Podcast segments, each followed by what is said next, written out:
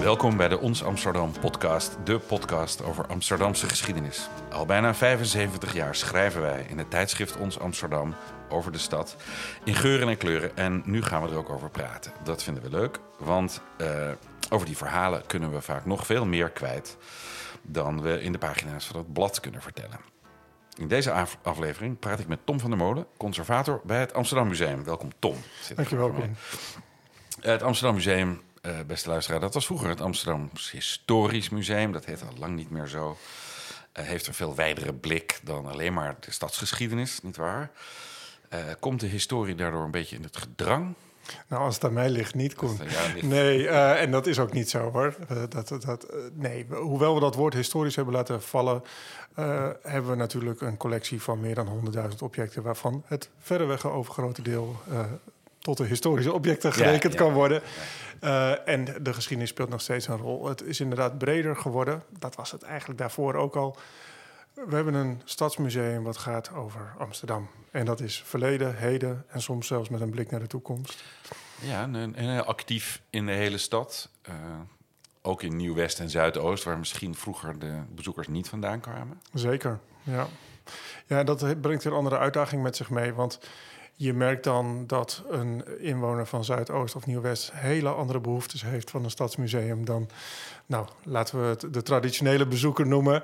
Ja. Uh, en en dat, dat is uitdagend voor een museum, maar eigenlijk ook heel erg leuk. Ja, het zit hem soms ook in het woord museum alleen al. Hè? Dat... Ja, toevallig een collega die bezig is met MBO-programma's, die vertelde dat uh, vorige week nog, uh, dat ze bij een MBO-klas mensen gingen zoeken die samen met haar iets over de stad Amsterdam gingen doen. En toen ze het woord museum noemden, dan toen trokken de gezichten op, uh, op, uh, op slaapstand. Ja. Dus toen moesten we weer heel erg de best doen om ze alsnog enthousiast te krijgen. Maar om nou ook nog het woord museum te laten vallen, dan houden we alleen Amsterdam over. Ja. En dat bestaat al, dus ja, dat zou ik nergens verslaan. Ja, maar, uh, en nog, nog zo'n vraag even daarover voor de luisteraar, de verbouwing. Uh, ja. Vanaf uh, de, de, zomer van dit jaar is duidelijk dat dat mag doorgaan van de rechter. Ja. Uh, er is ook gisteren duidelijk geworden dat er hoger beroep is aangetekend door de vrienden van de Amsterdamse oh, binnenstad. Ja. Dus het is even afwachten hoe dat gaat lopen. Maar ondertussen is de vergunning verleend. Dus, dus je de beginnen. vergunning was al verleend. Er liep een bezwaar tegen die vergunning. Um, daar hebben wij gelijk gekregen van de rechter. Maar daar wordt nu beroep tegen aangetekend. Ja, oké. Okay. Nou, dat gaat nog wel even duren dus, voordat dat klaar is. De, wat we oorspronkelijk beoogden om in 2025 ja. over te gaan, dat gaan we niet redden. Nee. nee. Uh, laten we eens even hebben, uh, luisteraars, over het stuk dat Tom van der Molen heeft geschreven in ons oktobernummer. Dat is nogal een, een kruidige affaire waar het over gaat. Over twee 17-jarige vrouwen die graag wilden trouwen. En verder over Nicolaas Tulp, de beroemde arts die u kent van de anatomische les van door Rembrandt. En die heeft daarover geschreven en over bericht. Voordat we het daarover hebben, uh, Tom, je hebt geneeskunde gestudeerd. Zeker, dat is ook al wel weer heel lang geleden. Dus je moet maar als je klachten hebt, moet je het, het toch aan een echte dokter gaan vragen. Maar klopt het? En er zit nog altijd interesse.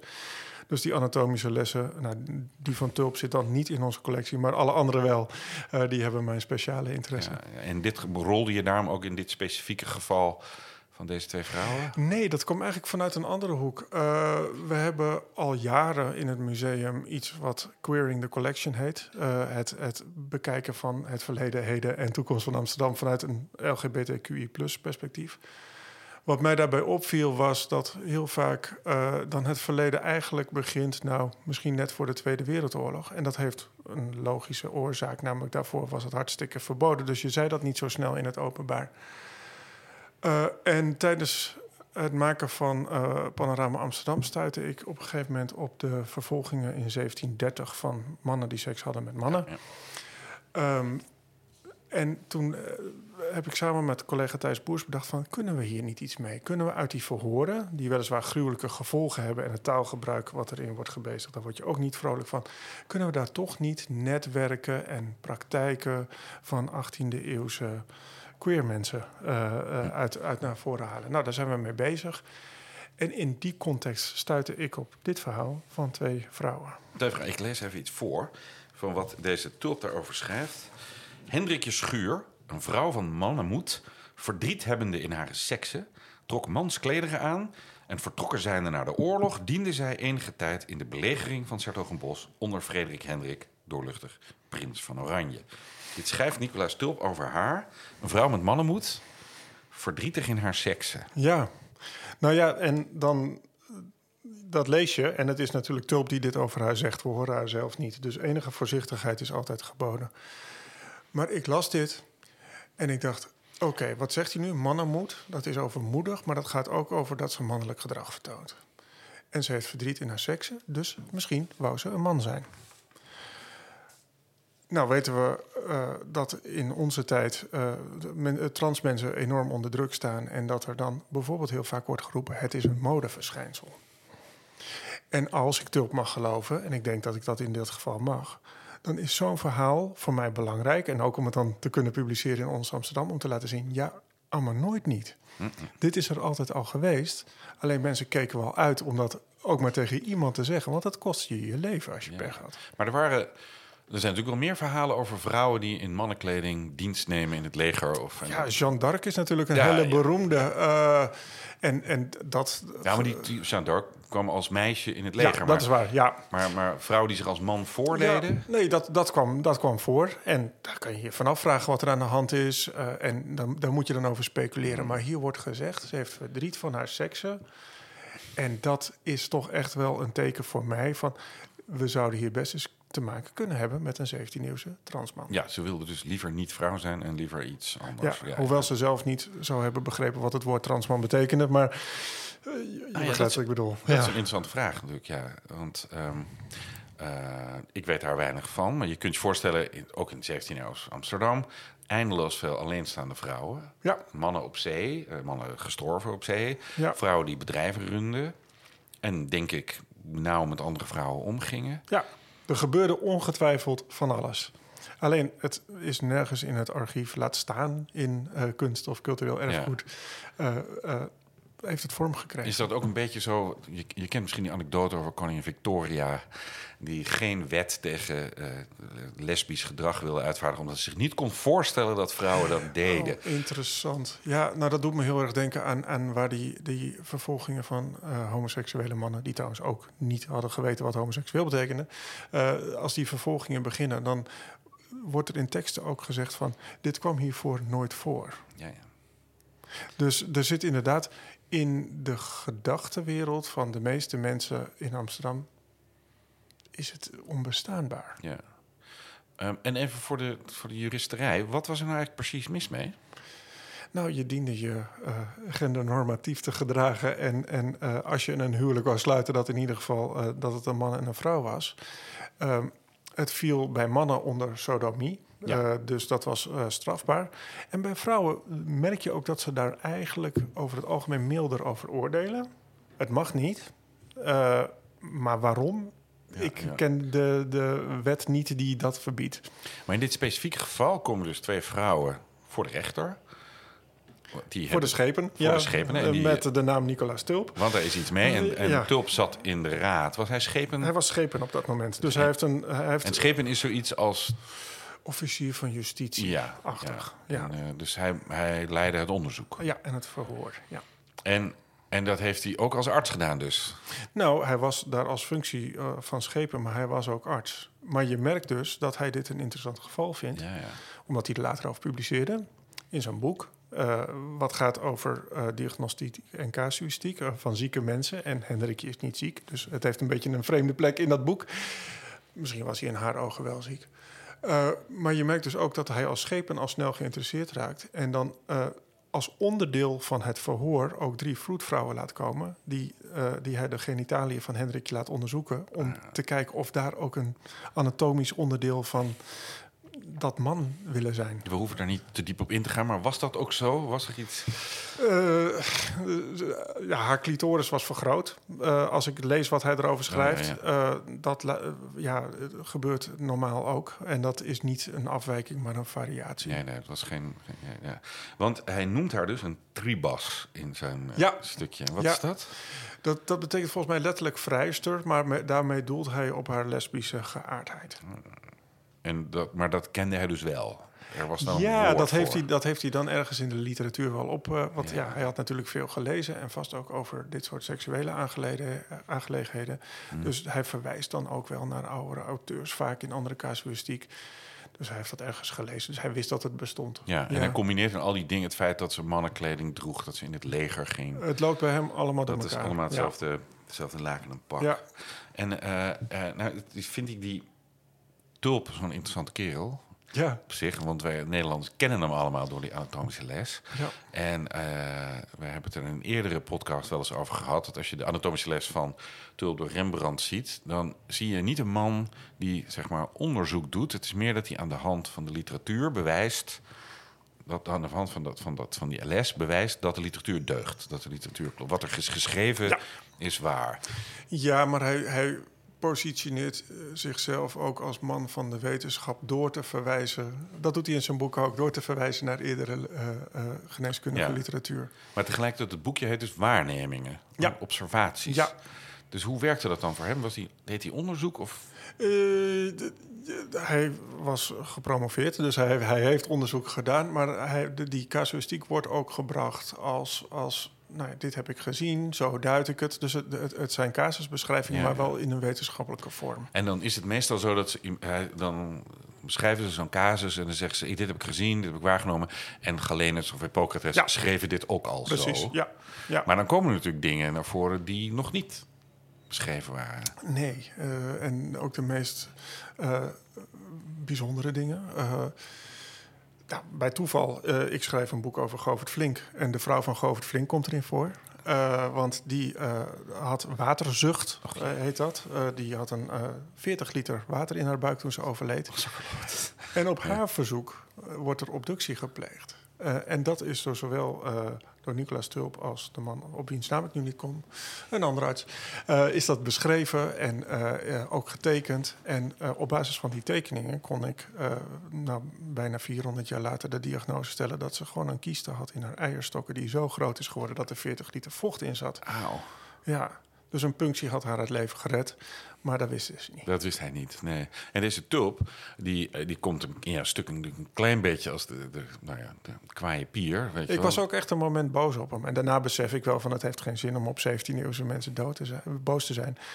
Maar ja, ik vond dit wel... eh, Maar het ja. is wel behoorlijk invasief. En dat hij die drie vroedvrouwen erbij haalt om Ja, die vrouw te onderzoeken. Terwijl hij dus eigenlijk, eigenlijk valt ze weinig te verwijten.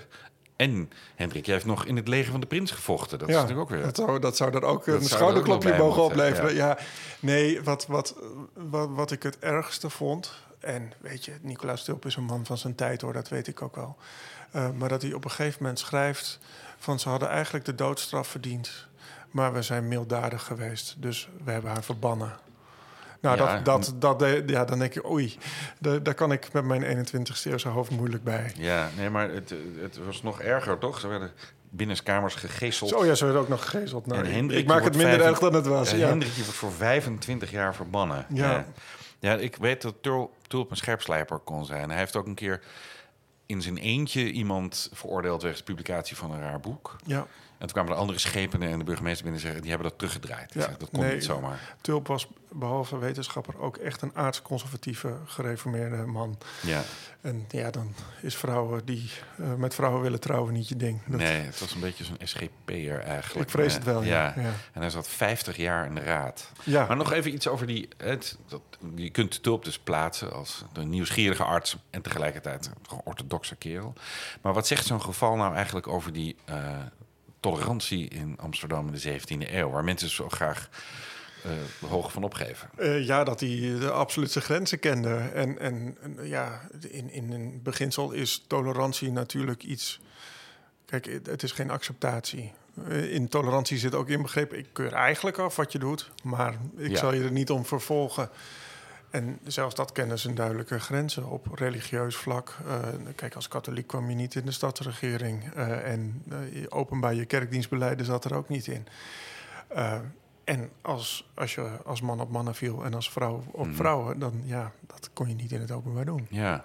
ja, je noemde net die vervolgingen in 1730. Ja, En zat daar niet eigenlijk ook een soort politieke angst achter? Dat, eh, Nou, het, het- volgens mij, als ik het goed heb begrepen, dan begint het vooral in de kerk. Dat er ineens eh, flink van de kansel wordt geschreeuwd van... eh, de, de, de- het is hier een soort Sodom en Gomorra. ja, en, ja, ja. Er zijn hier allerlei mannen die het met mannen doen. Was ook zo. En daar moeten we nu tegen optreden, want het is nieuw en onze samenleving gaat er zo aan. En toen zijn ze, nou ja, door heel Holland, niet alleen in Amsterdam. Het begint eigenlijk in Utrecht, waar één iemand begint te praten. En dat als een olievlek gaat het door heel Holland. En worden in alle steden worden Ja. mannen gevangen genomen. En, eh, Ja, We hebben er wel eens iets over gepubliceerd, over die, een arme kippenhandelaar. Die ook in dat complot schijnt te zitten en die dan eh, ja, op, de, op de dam wordt geëxecuteerd. ja.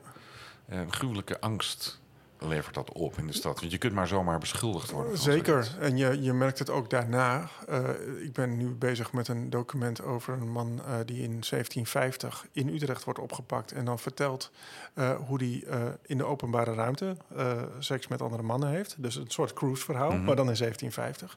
En dan vertelt hij overal in de stad onder welke bruggen dat gebeurde.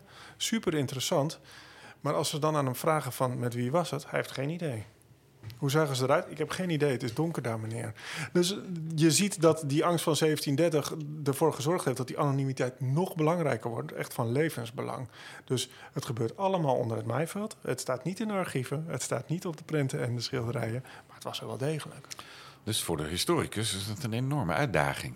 Vind dat maar eens. Ja, en dan moet je dus naar bronnen die in die zin problematisch zijn. Het zijn altijd strafverhoren. Dus er staat taal waarvan je verwacht dat het niet door de verdachte is geuit. Eh, weet je, er worden vragen gesteld van... beken je nu dat je die verfoeilijke zonde hebt begaan? En dan denk je, nou ja, Ja, meneer. niet bepaald Ja. neutraal, meneer. Nee. Eh, en dus, dus je moet in, in min of meer problematische bronnen... moet je toch proberen dat, dat netwerk eruit te halen. Nou ja, en bij 1730 kan je echt heel goed zien dat ze elkaar kenden... dat ze elkaar vertelden, je moet daar en daar zijn. Bij Johannes Keep, die bloemversierder op de Kalverstraat... kan je wel terecht en dan mag Mhm. Je daar logeren. Eh, dus er is een netwerk en dat kan je eruit halen. En dat is belangrijk om te vertellen, om te laten zien Mm. dat het geen modeverschijnsel is. En het is ook om, belangrijk om te vertellen waarom het zo belangrijk is dat je mensen in hun waarde laat. En dat je dit niet Ja, keihard straft. nee. Nog een interessant aspect daaraan vind ik, je zei net, eh, als je het woord homoseksualiteit gebruikte, dat zouden zij toen niet begrepen hebben. Of dat zouden ze Nee. niet. Dus eh, je hebt natuurlijk het risico dat je dat terug-interpreteert, dat je dat projecteert op de Ja. geschiedenis. Zeker, zeker. Want eh, nou ja, een homoseksuele identiteit kan haast niet echt bestaan hebben. Eh, maar er waren wel mannen die behoefte hadden om seks te hebben Ja. met andere mannen. En vrouwen die met andere vrouwen wilden Ja, samenwonen. of trouwen. Ja. En dan, ja, want het komt dus bij deze Hendrikje en Treintje op dat Ja. ze willen trouwen. Ja, Treintje zegt dat. Ja, eh, ik, we, we zouden wel hebben willen trouwen als het had gemogen. En dat is natuurlijk, ja, dat, dat is heel treurig en heel mooi tegelijkertijd. Eh, in ieder geval heel aandoenlijk. Maar blijkbaar kon het in haar hoofd wel bestaan dat een vrouw met een vrouw zou trouwen. Ze kon zich zo'n relatie voorstellen Ja. dat ze gewoon bestendig Ja. bij elkaar zouden wonen. Ja, ja. Ja. dat, is, dat is wel inderdaad wel droevig en ook wel ontroerend ja, dat ze dat hebben gedaan.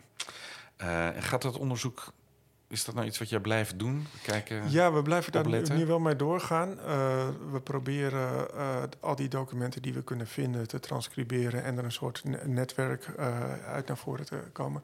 Ook om voor de toekomst, voor Hmm. opstellingen, daar, daar gebruik van te kunnen maken. En ja, gewoon ook omdat we het willen weten. Ja, nou in dit geval, dus eh, Hendrikje werd eh, voor 25 jaar uit de stad verbannen. Dat is Ja. natuurlijk de, eigenlijk de ergste straf die er is, want dan Nou ja, ze was niet meer bij Treintje. alles Treintje. En niet meer bij treintje. Maar treintje, daar eh, zeg je, ontbreekt elk spoor. Nee, van Hendrikje ontbreekt Oh, Hendrikje. het spoor. Het treintje is nog eh, getuige bij dopen van haar kinderen. Oh, en- en die, die leeft nog een tijdje in Dat Amsterdam. 25 jaar later. Dus Ja. met die, ach, treintje zat weemoedig uit het raam te Alleen, staren. ja. Eerst weduwe van haar man en daarna eigenlijk weduwe van Oh, Hendrikje. God, Ja, zielig hè? Zielig hoor. Een geweldig verhaal. Dankjewel Tom. Dat is hartstikke mooi. Om dat, te- en ook toch wel erg leerzaam om te zien hoe diep die geschiedenis eigenlijk is. Dat dat altijd er is geweest Ja. in de buurt. Als je Ja. maar wil graven, dan vind je het. Ja, ga graven. Goed, dit was de Ons Amsterdam podcast. Bedankt voor het luisteren. Met het besproken artikelen kunt u teruglezen in ons oktobernummer. Dat ligt nu in de winkel. En als u meer van dit soort fijne Amsterdamse verhalen wilt eh, lezen, neem dan een abonnement op dat tijdschrift. Dat kunt u vinden op onze website onsamsterdam.nl. Deze aflevering maakte ik samen met Tessel Dekker en de muziek werd gemaakt door Sjaak Dauma. Tot de volgende keer.